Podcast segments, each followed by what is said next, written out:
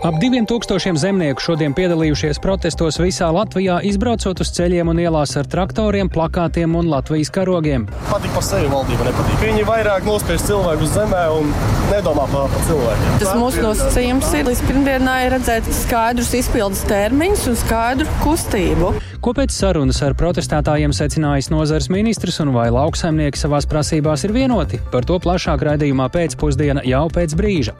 Palīdzībai Ukrainas bēgļiem Latvijā vietējās organizācijas cer uz ANO bēgļu aģentūras atbalstu un lūgušas ap 10 miljonu dolāru finansējumu, kam tās vēlas naudu izmantot. Un Latvijas sieviešu basketbola izlase šodien sāk gatavošanos Eiropas čempionāta kvalifikācijas otrajam sabraukumam. Par to visu plašāk raidījumā pēcpusdiena kopā ar mani Tāli Eipuru.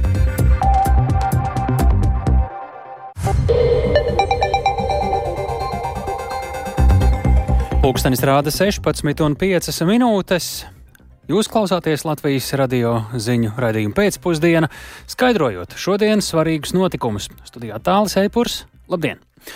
Protestus visā Latvijā, protestos visā Latvijā piedalījušies ap diviem tūkstošiem zemnieku, tālēšu protestu rīkotāji Zemnieku saima. Lauksaimnieki ar traktoriem, plakātiem un Latvijas karogiem šodien bija izbraukuši uz ceļiem un ielās 16 Latvijas pilsētās un to apkārtnē. Zemnieki valdībai un zemkopības ministrijai prasa mazināt lielo birokrātiju nozarē, aicina nekavējoties pārtraukt pārtikas importu no Krievijas un Baltkrievijas, kā arī saglabāt samazināto 5% likmi pievienotās vērtības nodoklim dārziņiem un augļiem. Lai sekotu protesta norisei, uz Jālgavu bija devusies Sinti Jāmbote. Plašāk reportāžā.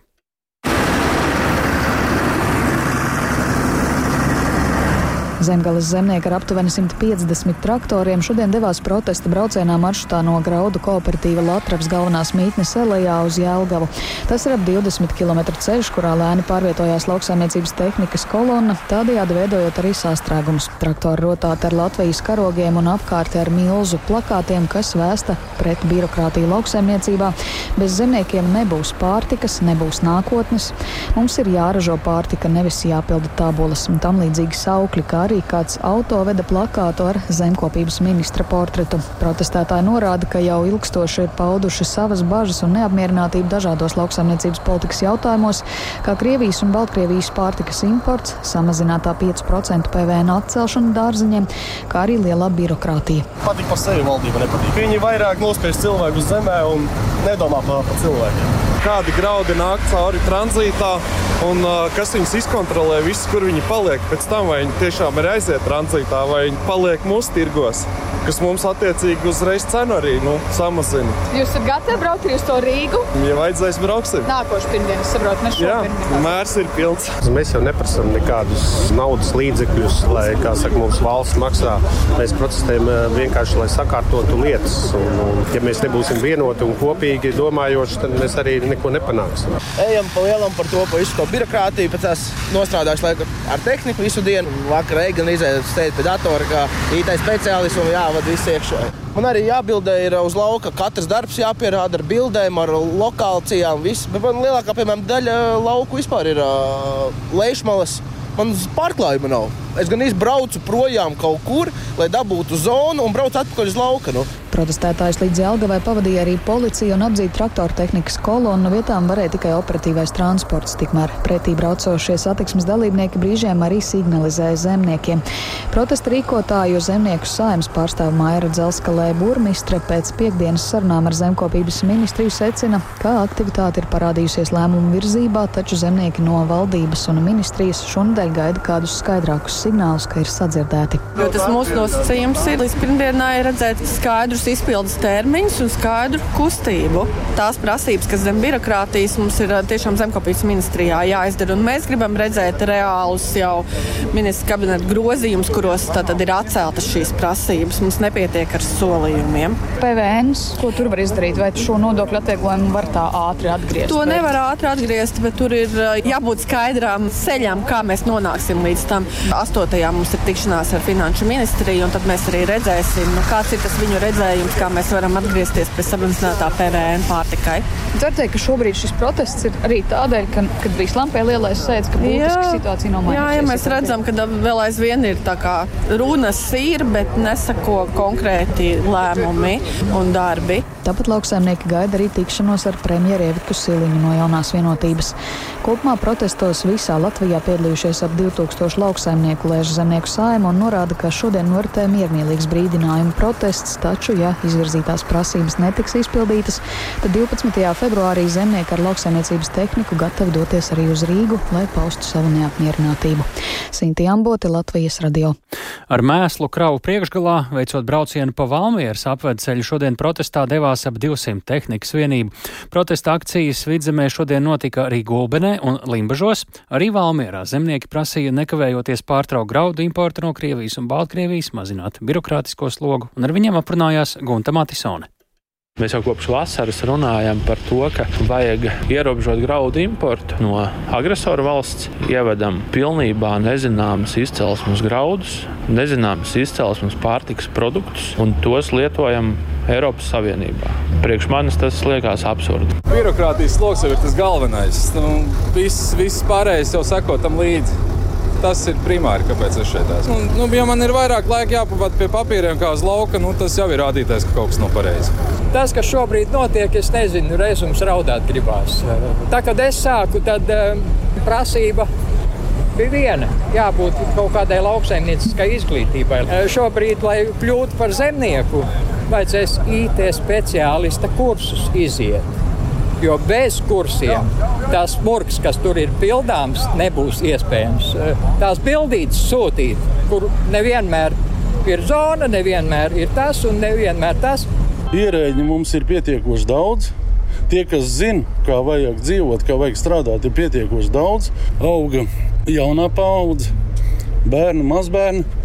Un tā Latvija jau tikai viena. Tā kā ir ko darīt.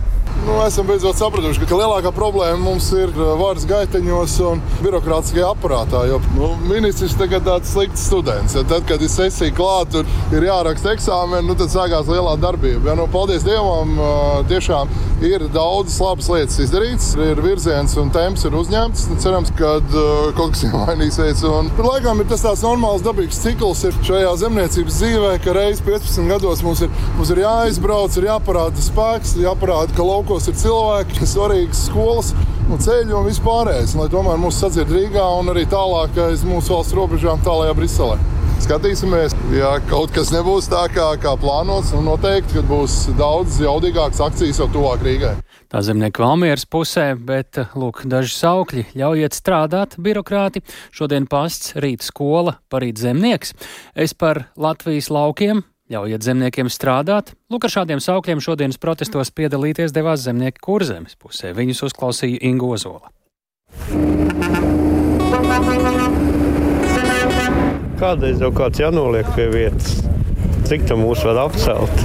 Noskaņojums kaujiniecisks? Nē, miermīlīgs. Kaujiniecisks mēs gatavojam 12. februārim Rīgai. Principā, lai vismaz valdība ieklausās zemniekos, parādīt to, ka vajag visiem solidarizēties, savākties kopā un nemeklēt savā starpā kašķī, kas tev tur sanāk, man nesanāk, jo sen esam bijuši kopā visi, neatkarīgi no nozares, kurā strādājam. No kurienes esat? Vecpilī. No Vecpils. Jā. Ko tad esat paņēmis līdzi no Vecpils? Savu traktoru droši vien. Traktoru un kaimiņus ar bišķi, kas bija noskaņot pozitīvu domāšanu, tie arī līdzi. Mēs bijām arī tajā tikšanās vietā, tajā bija slampa mēs bijām. Tur jau teica, ka būs viss un ātri būs, bet nu, nekas jau nav no tā izpildīts, ko solīja. Pirmais ir birokrātija un vienlīdzīgs platība maksājums, kā visā Eiropā. Tas ir galvenais. Un, un, un mazāk solīt un vairāk darīt. Nu, par to birokrātiju mēs lai nav tik daudz papīra jāizpild un uh, lai atvieglotu lauksaimniecības dzīvi, lai varam strādāt, nevis sēdēt uh, birojā.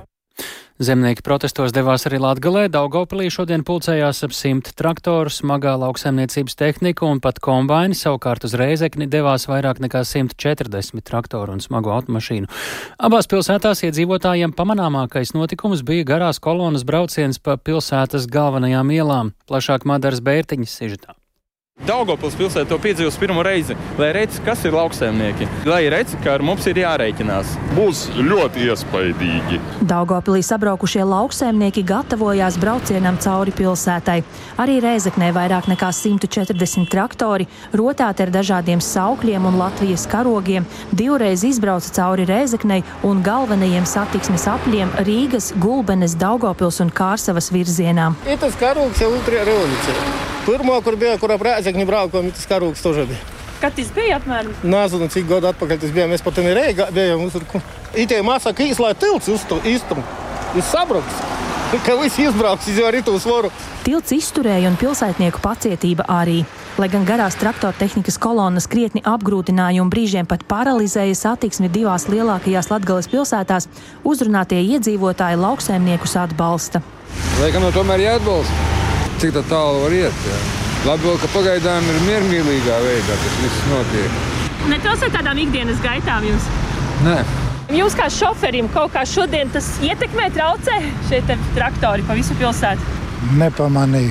Tiešām jums? Nē, nē, es tikko izbraucu no darba, es veikalam un tālāk izbraucu, nezinu, kā būs. Kā vispār atbalstat? Protams. Viņi pārāk kārtīgi uzvedas, teiksim tā. Viņiem vajadzēja kaut kā vairāk par sevi dot zināt, nevis vienkārši pabraukt tā mierīgi garām. Francija ir ļoti labs piemērs. Tur ātri sapratīs, ko jādara. Līdzīgi kā citviet Latvijā, arī Rēzeknē un Daugopilī traktoriem bija piestiprināti dažādi saukļi. Lauksaimnieki aicināja aizliegt Krievijas un Baltkrievijas pārtikas produktu importu, samazināt pievienotās vērtības nodokli Latvijai raksturīgajiem augļiem, ogām un dārzeņiem, kā arī mazināt birokrātiju, kā veistīja viens no saukļiem - Piltspēlvai lielāks nobraukums kā traktoram. Nu, 30 hektāru audzēju. Nu, arī šoki. Pagājušais gads sausīs bija, nu, faktiski ražastīgi nekādas nebija. Dago par savu darbu damaksot, vai? Mat apmēram tā, nu, ka nokušīs tāds. Tad, nu, viņš sēdīs man ūdī tādā. Tad jomat, jomat mīkslēkam, jo, jo dabūja cita nodarbošanos kaut kādu. Par to Lada uzu sistēmu, tās pret kur sataisīja, ka jo fotografēja lauks, tīnās, kas nas, kur josilta vēl. Neuzraivēt zemnieku. Vāki agrāk bija, lai stot atpakaļ. Zemnieki arī uzsvēra, ka patiesībā problēmu lokus esot vēl plašāks nekā minēts zemnieku saimas iesniegtajā piecu galveno prasību sarakstā. Turklāt uzsvars prasībās esot likts uz graudu audzētājiem. To pašu piena nozari ļoti daudzi arī ko atzīmēja kas arī pateica atklāti runājot, ka nē, mēs nepiedalīsimies, jo par mums ir aizmirsuši par mūsu prasībām. Bezakcijas degviela mums jau ir beigusies. Faktiski pusgads mums sanāk, nu, jāpērk degviela par pilnu cenu. Mēs esam iedzīti tādā stūrī, ka nu, vairs nav kur tālāk iet noteikti nav darāt tikai franči, kur izvirzās 150 prasības īstenībā zemkopības ministram. Zemnieku saimas valdes loceklis un protesta akcijas organizators Rēzeknē Mārtiņš Strons uzskata, ka piecas plašas prasības ar vairākiem apakšpunktiem esot efektīvāk un var attiecināt uz jebkuru lauksēmniecības nozari. Īpašs atbalsts gan būtu nepieciešams attālākajiem reģioniem. Ņemot vērā arī mūsu attālumu no, Ostam, no Reigas, šāds neliels maksājums ir piešķirts 10 eiro. Protams, liela daļa arī gribētu, ka tas maksājums ir tomēr arī, arī lielāks, ņemot vērā gan klimatiskus apstākļus, gan kolneņiebu, gan vegetācijas periodu, augsnes poriju. Šonadēļ lauksaimnieki gaida atbildes reakciju no zemkopības ministra un valsts augstākajām amatpersonām. Ja prasības netiks sadzirdētas, nākam pirmdien lauksaimnieki ir gatavi braukt uz Rīgu, un šķērslis nebūs arī vairāk nekā 200 km garais ceļš no Latgales. Madara Bērtiņa, Silvija Smagare, Latvijas radio studija Latgalē. Lūk, tāds ieskats lauksaimnieku protestos no visas Latvijas vidzemes, kurzemes, zemgales un latgales.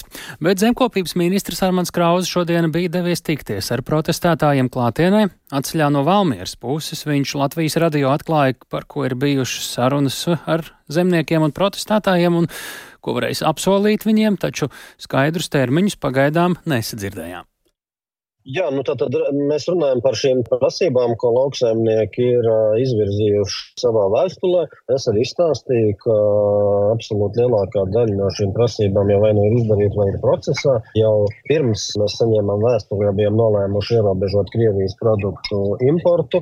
Latvijas teritorijā tieši graudu. Jā. Otra lieta, ko mēs norādījām, ka jau ir izdarīts un palielināts summas attiecībā uz kredītprocentu dzēšanu, uz apdrošināšanu, kā arī mainīt nosacījumu, jo pagājušā gadā Tad viņi tika šī kārta sašaurināta un pretendentu lokus sašaurināts. Mēs tas, kas pagājušajā gadā tika sašaurināts, atkal esam paplašinājuši. Tad ir ļoti liels birokrātijas mazināšana, mēs arī pārunājām, bet birokrātijas mazināšana saistīta arī ar Briseli. Un te es arī norādīju, ka man liekas, ka tā cīņa ar Briseli ir gan uh, lauksaimniekiem, gan arī zemkopības ministrijai, jo Briseles ierēģi Pagājušā gadā, piemēram, nepiekrita grozīt to plānu tādā apjomā, kā ministrija vēlējās. Un es domāju, ka protesti visā Eiropā, kas notiek lauksaimniekiem, tas arī liks padomāt Briseles ierēģiem un nākt pretī lauksaimniekiem un tiešām atvieglot šīs prasības. Nevis pateikt, ka mēs tikai šīs trīs prasības varam apstiprināt, bet vispārējo jūs ņemiet atpakaļ, mēs nedarīsim neko. Tā kā es, es ļoti ceru, ka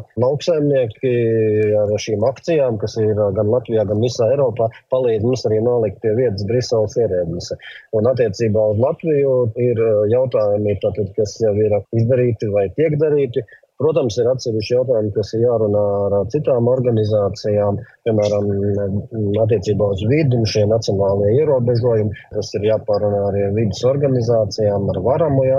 Tāpat kā nodokļu jautājumi arī nav tikai un vienīgi zemkopības ministrijas jautājumi, bet visas valdības atbildība, kas attiecās uz samazināto PVN pārtikai. Tas ir darba kārtībā, mēs esam pieteikuši. Tā pašā laikā zemnieki par spīti tam, gan ko jūs šorīt radio teicāt, gan ko tagad zemniekiem pašiem sacījāt, tomēr tomēr ir devušies eh, ielās, un viņi acīm redzot saka ar šo, ka viņiem nepietiek ar to, kas jau ir izpildīts vai tiek pildīts, un arī līderi piebilst, ka viņiem apņemšanās eh, un piekrišana varbūt ir par maz, eh, ka viņiem vajag reālus jaunus normatīvos aktus, kas to situāciju maina, nu kaut vai nevis ierobežot graudus, bet aizliegt reāli šo importu. Kādi jums šajā ziņā ir konkrēti tuvākie plāni, jo protestētāji daļa noteikti šo dzird, kaut vai uh, līdz tam, kamēr viņi ir gatavi atkal jau pavisam drīz braukt uz Rīgu, uh, ko jūs esat gatavs eh, vai ministrija ir gatavi tuvākajā laikā jau konkrēti vēl vairāk padarīt? Pirmais, jau, kas ir izdarīts, likuma projekts par importu ierobežošanu, ir sagatavots. Šodien šajā brīdī tiek skatīts valdību veidojošo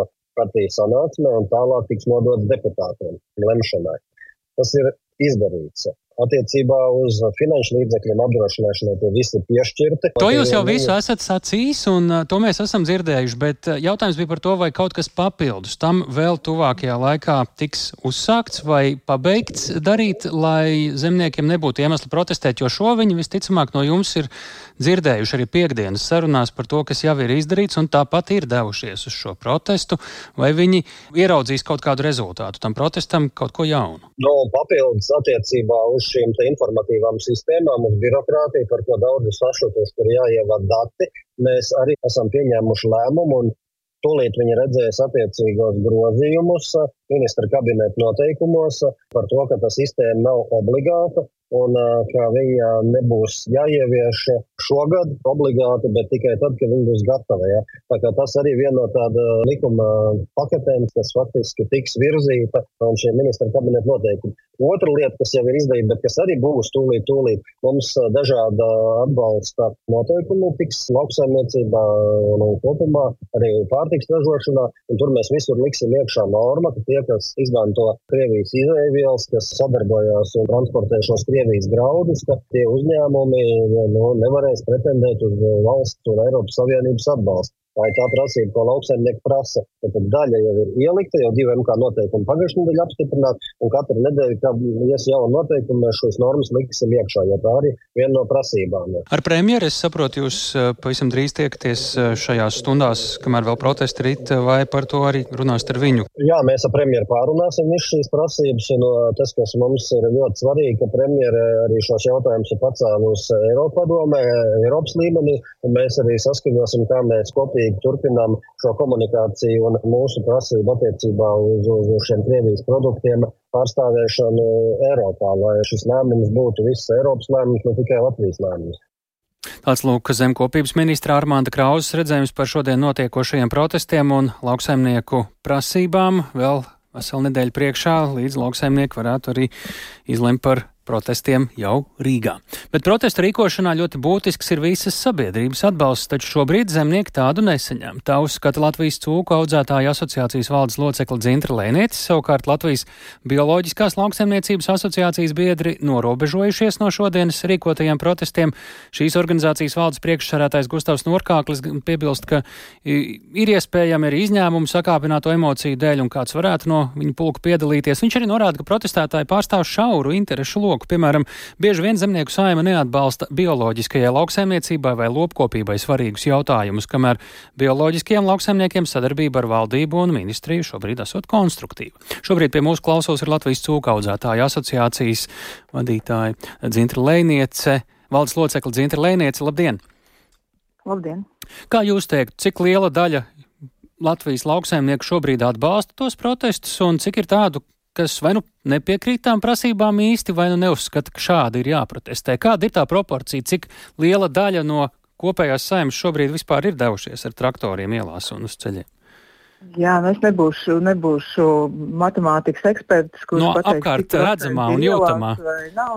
Uh, mēs, mēs arī savā, savā tuvākajā lokā esam šo te pārunājuši gan asociācijas padomus uh, sanāksmē, gan arī uh, LOS, uh, LOS kas ir lauksaimnieku organizācijas sadarbības padomē, pārstāvju sanāksmē esam šo pārunājuši.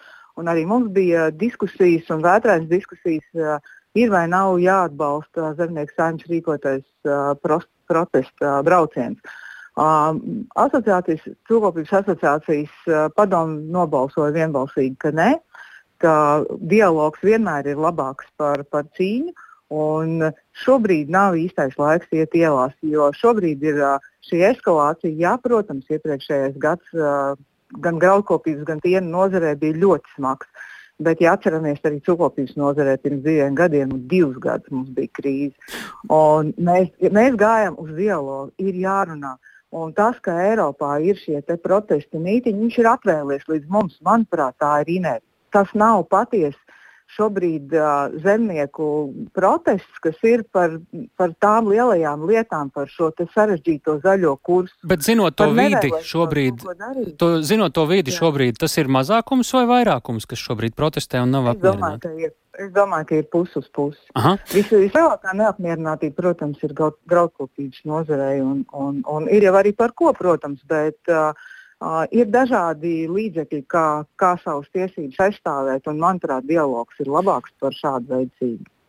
Kas ir tas, kas, jūsuprāt, protestētājus tomēr motivē kāpt traktoros, izbraukt ielās? Jūs jau nedaudz to inerci pieminējāt, jo nu, tas tomēr ir diezgan jau tāds radikāls lēmums. Tomēr viņi to dara, nevis nedara. Jā, tas, tas nozīmē to, ka ir pietrūkusi arī šī komunikācija ar, ar katru šo reģionu laukos. Un, un, šobrīd, kurš skaļāk kliedz, to sadzird. Un tas arī nav, nav pareizais komunikācijas veids. Ir, ir jābūt šim, protams, ir, ir ministrijai ļoti daudz kļūdu, un, un mēs arī viņiem uz to norādām. Vienmēr esam saņēmuši konstruktīvu dialogu. Vai ir lietas līdz ar to, pie kurām jūs tomēr aicinātu ministriju krietni cītīgāk piestrādāt, un kur kādu dienu varbūt arī jūsu pacietība varētu beigties, ja pārāk ilgi tas ir?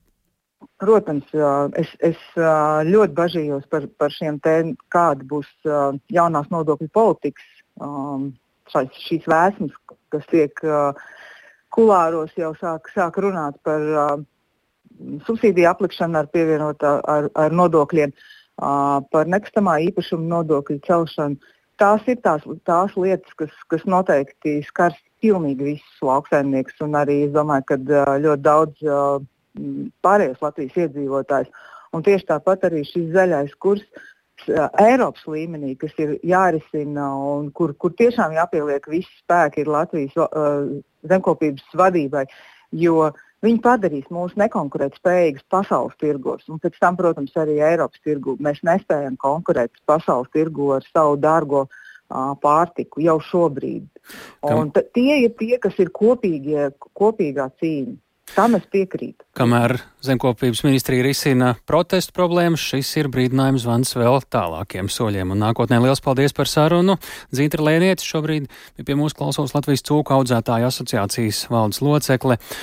Tas, kāda lauksaimniecības politika tad ir gaidāma no Briseles, būs lielties atkarīgs arī no vasaras sākumā paredzētajām Eiropas parlamenta vēlēšanām, un tieši šīm vēlēšanām šonadēļ Latvijā noslēgsies kandidātu sarakstu pieteikšana. Vairums kandidātu jau ir nosaukt šobrīd, un lielākoties ir redzams, ka uz vietām Eiropas parlamentā kandidē cilvēki jau ar esošu politisku pieredzi.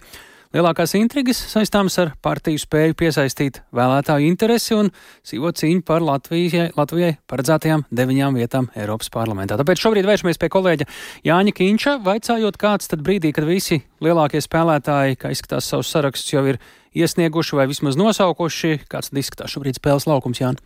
Jā, sveicināti. Nu, diena savus kandidātus ir nosaukušas lielākā daļa partiju politisko spēku.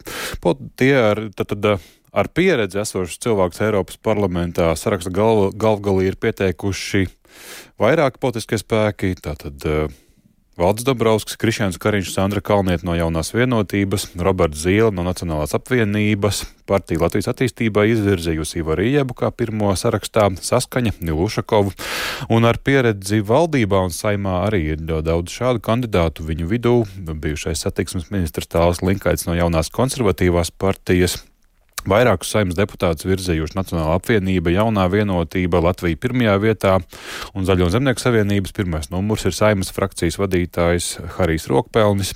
Viņi arī ir virzījuši divus no četriem ministriem tagadējā valdībā. Tā skaitā arī ar Mantu Krauzi, kuram šodien daudz publicitātes.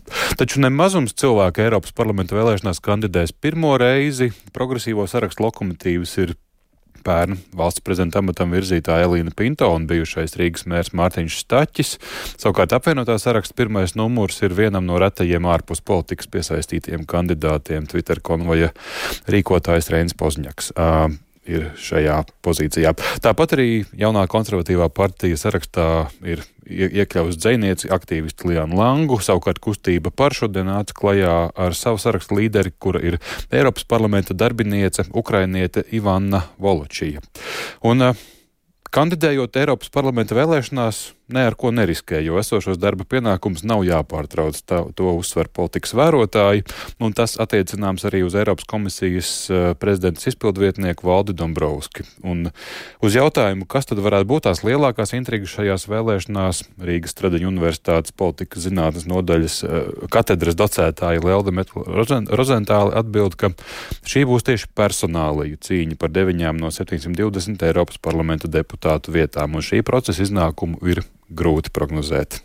Partijas jau reāli cīnās par vienu līdz divām vietām. Diez vai kādam pat izdosies trīs vietas savai vienai partijai eh, iegūt. Lai šo vienu vai divas vietas izcīnītu, nu, tur ir personāliju cīņa, jo Eiropas parlamentā ar darbiem ir ļoti grūti uzrunāt vēlētāju. Ja savā pašvaldībā vēlētājiem vieglāk ir saprast un pārbaudīt, nu, vai tas ceļš ir nosveltēts vai nav, tad šeit mums, protams, kā vēlētājiem, Eiropas parlaments ir tas tālais, nezināmais un grūti saprotamais. Un vienlaikus politisko spēku pārstāvji jau vairāk kārt ir atzinuši, ka šīs Eiropas parlamenta vēlēšanas atšķirsies no iepriekšējām, jo kā zināms, Ukrainā, Eiropas daļā notiekošais karš eh, iestāja parāda citas reālijas šajā vietā. Tāli. Jā, Jāni, eh, viena no intrigām būs arī par kandidātu spēju dabūt vēlētājus uz iecirkņiem, respektīvi aktivitāti eh, vēlēšanās.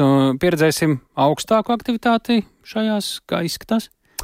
Politoloģijas vērtējumā vēlētāju aktivitāte šajās Eiropas parlamenta vēlēšanās būs tieši atkarīga no politisko spēku piedāvātajām vēl sekojošajām kampaņām. Savu lomu varētu nospēlēt arī kandidātu retorika par drošības aspektiem Eiropā, taču nezinu, vai tieši Eiropas parlamentu darbu var visvairāk asociēt ar drošības garantijām Eiropā. Nu, pirms pieciem gadiem Eiropas parlamenta vēlēšanās Latvijā piedalījās 33,5% balstiesīgo, un arī šogad ļoti būtisku aktivitātes pieaugumu nevarētu sagaidīt. Tā to vērtē socioloģi, tirgus un sabiedriskās domas pētījuma centra SKDS pētniece Ieva Strode tam notikumam ir jāpievērš uzmanība, viņš ir jāpadara nozīmīgāks, ja grib, lai cilvēki iet uz vēlēšanām. Man ir ļoti daudz labu lietu, ko var izdarīt 8. jūnijā, ne jau obligāti tur iet balsot. Kad mēs skatāmies arī iepriekšējā pēcvēlēšana pētījums ir, nu, cik tev tas liekas svarīgi, ka tu aizēji, un vai tev ir par ko balsot. Ja cilvēkam ir par ko balsot, ja viņš zina, ko viņš grib atbalstīt, tad viņš, protams, var aiziet. Protams, um, nozīmīgs ir, ja tu negribi, lai kādu citu ievēl. Tas arī varētu būt pamudinoši, ka tu ej, nezinu, protestēt pret partiju, kuras politika vai kuras politiķi tev nepatīk.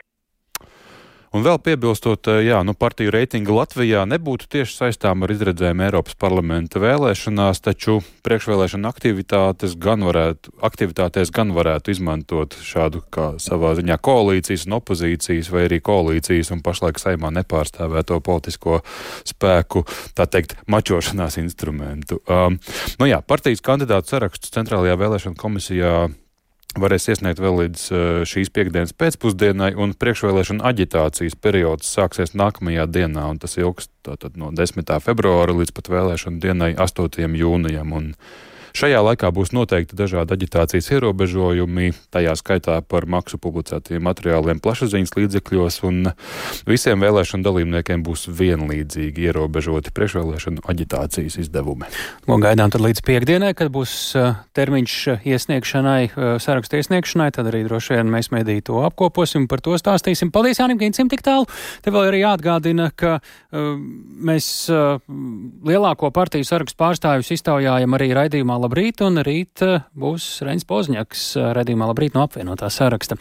Kamēr kāda cita liela startautiska organizācija, eh, ja mēs tagad runājām iepriekš par Eiropas parlamentu, tad ANO kalpo kā vidutājs pasaules lielo ziedotāju naudas piesaistēji palīdzībai kara dēļ cietušajiem Ukraiņiem, tā skaitā bēgļiem. Vairāk nekā 4 miljārdus ASV dolāru tik lielu summu apvienoto nāciju organizācijas bēgļu aģentūra un humanās palīdzības partneri šogad lūdz lielajiem ziedotājiem visā pasaulē piešķirt karas kārtajām kopienām Ukrainā, Ukrainas bēgļiem, kā arī valstīm, kas bēgļus uzņēmušas.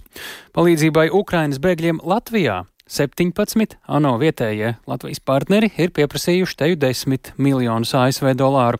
Palīdzība domāta aptuveni 50 tūkstošiem bēgļu no Ukrainas, gan tiem, kuri te jau ir, gan jauniebraucējiem, gan arī cauri braucošajiem.